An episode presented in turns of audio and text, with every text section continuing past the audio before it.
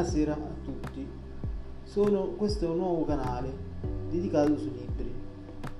Qui vi parlerò dei miei libri letti ultimamente.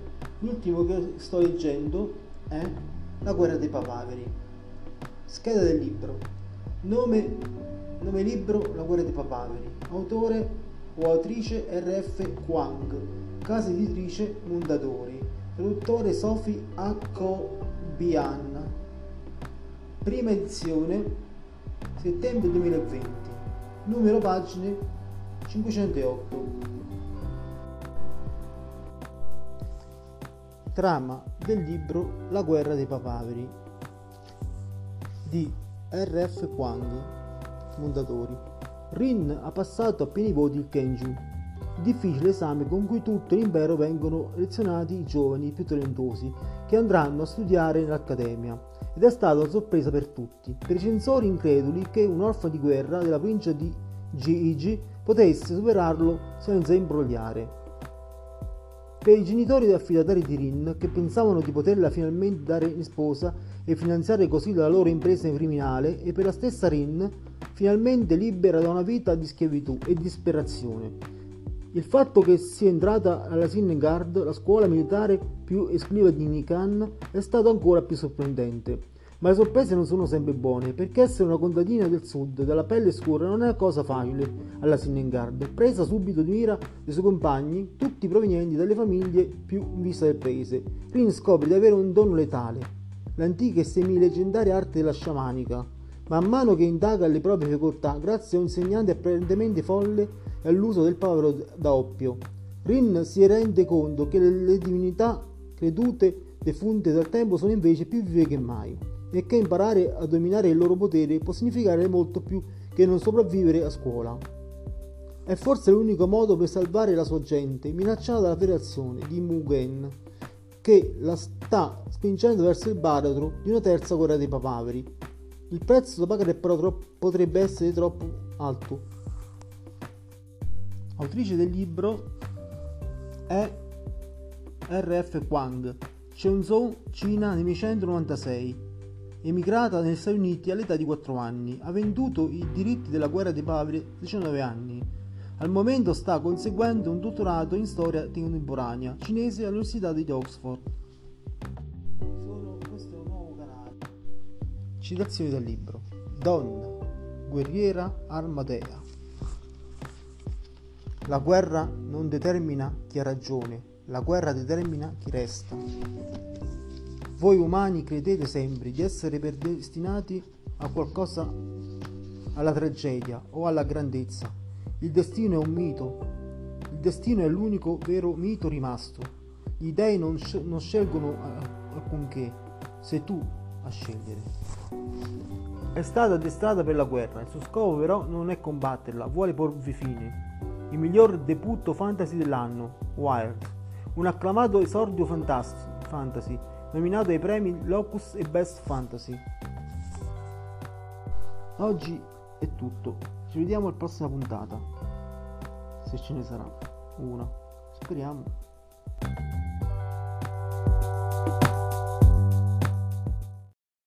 Buonasera a tutti, Sono, questo è un nuovo canale dedicato sui libri. Qui vi parlerò dei miei libri letti ultimamente. L'ultimo che sto leggendo è La guerra dei papaveri. Scheda del libro. Nome, nome libro La guerra dei papaveri. Autore o autrice RF Kwang. Casa editrice Mondadori. Traduttore Sophie H. Bian. Prima edizione settembre 2020. Numero pagine 508 Trama del libro La guerra dei papaveri di R.F. Kwang, Mondadori. Rin ha passato a pieni voti il Kenju, il difficile esame con cui tutto l'impero vengono selezionati i giovani più talentuosi che andranno a studiare nell'accademia ed è stata una sorpresa per tutti, per i censori increduli che un orfano di guerra della provincia di Gigi potesse superarlo senza imbrogliare. Per i genitori affidatari di Rin, che pensavano di poterla finalmente dare in sposa e finanziare così la loro impresa criminale, e per la stessa Rin, finalmente libera da una vita di schiavitù e disperazione. Il fatto che sia entrata alla Sinengard, la scuola militare più esclusiva di Nikan, è stato ancora più sorprendente. Ma le sorprese non sono sempre buone, perché essere una contadina del sud, dalla pelle scura, non è una cosa facile alla Sinengard, presa subito di mira dei suoi compagni, tutti provenienti dalle famiglie più in vista del paese. Rin scopre di avere un dono letale, l'antica e semi-leggendaria arte della sciamanica. Man mano che indaga le proprie facoltà, grazie a un insegnante apparentemente folle e all'uso del povero da oppio, Rin si rende conto che le divinità credute defunte dal tempo sono invece più vive che mai e che imparare a dominare il loro potere può significare molto più che non sopravvivere a scuola. È forse l'unico modo per salvare la sua gente, minacciata dalla federazione di Mugen, che la sta spingendo verso il baratro di una terza guerra dei papaveri. Il prezzo da pagare però troppo, potrebbe essere troppo alto. Autrice del libro è R.F. Kwang, Shenzhou, Cina, nel 1996. Emigrata negli Stati Uniti all'età di 4 anni, ha venduto i diritti della guerra dei papaveri a 19 anni al momento sta conseguendo un dottorato in storia contemporanea cinese all'Università di Oxford. Sono, questo è un nuovo canale. Citazioni dal libro. Donna, guerriera Armadea. La guerra non determina chi ha ragione, la guerra determina chi resta. Voi umani credete sempre di essere predestinati a qualcosa, alla tragedia o alla grandezza il destino è un mito. Il destino è l'unico vero mito rimasto. Gli dei non, non scelgono alcunché, sei tu a scegliere. È stata addestrata per la guerra, il suo scopo però non è combatterla, vuole porvi fine. Il miglior debutto fantasy dell'anno, Wild, un acclamato esordio fantasy, nominato ai premi Locus e Best Fantasy. Oggi è tutto, ci vediamo alla prossima puntata.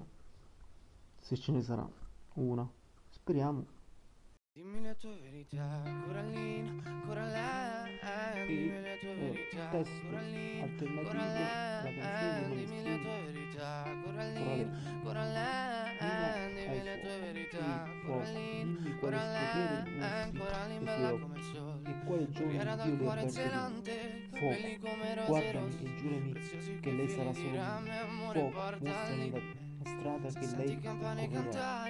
E se sarà guerra, non la seguirò con il dolore degli altri e poi lo Nina piange, Nina si dispera, Nina guarda solo davanti a sé, Nina urla solo alla luna, Nina alla battaglia dentro, Nina al fuoco che la brucia dentro, Nina scoprirà presto cosa ti arde dentro.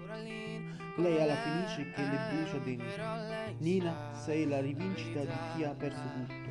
Nina, tu non sei l'acqua che spegnerà il fuoco, no, tu sarai la fenice che risorgerà dalle sue ceneri. Nina, se tu lo vuoi io sarò per te quello che nessuno è mai stato. E se lo vuoi sarò la spalla su cui piangerai. Nina, sei il sogno che si, si realizzerà. Nina,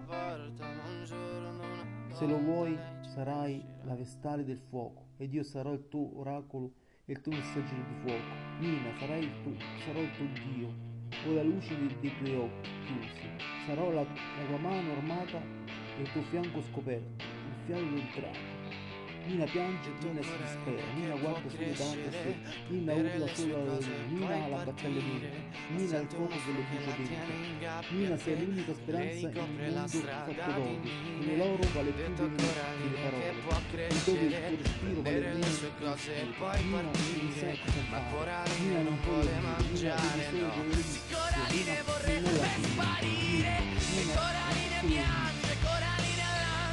Il male ma poi guarda solo la nessunina, solo alla luna, alla battaglia del Nina dopo che lo dice tutto.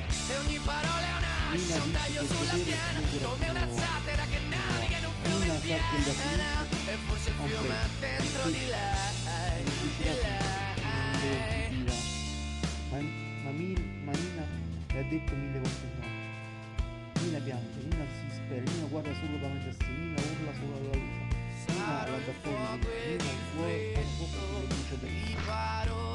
Questo è il fuoco, dimmi quale potere mostri il fuoco e quale bene cosa hai dentro e sarò l'acqua da bere il significato.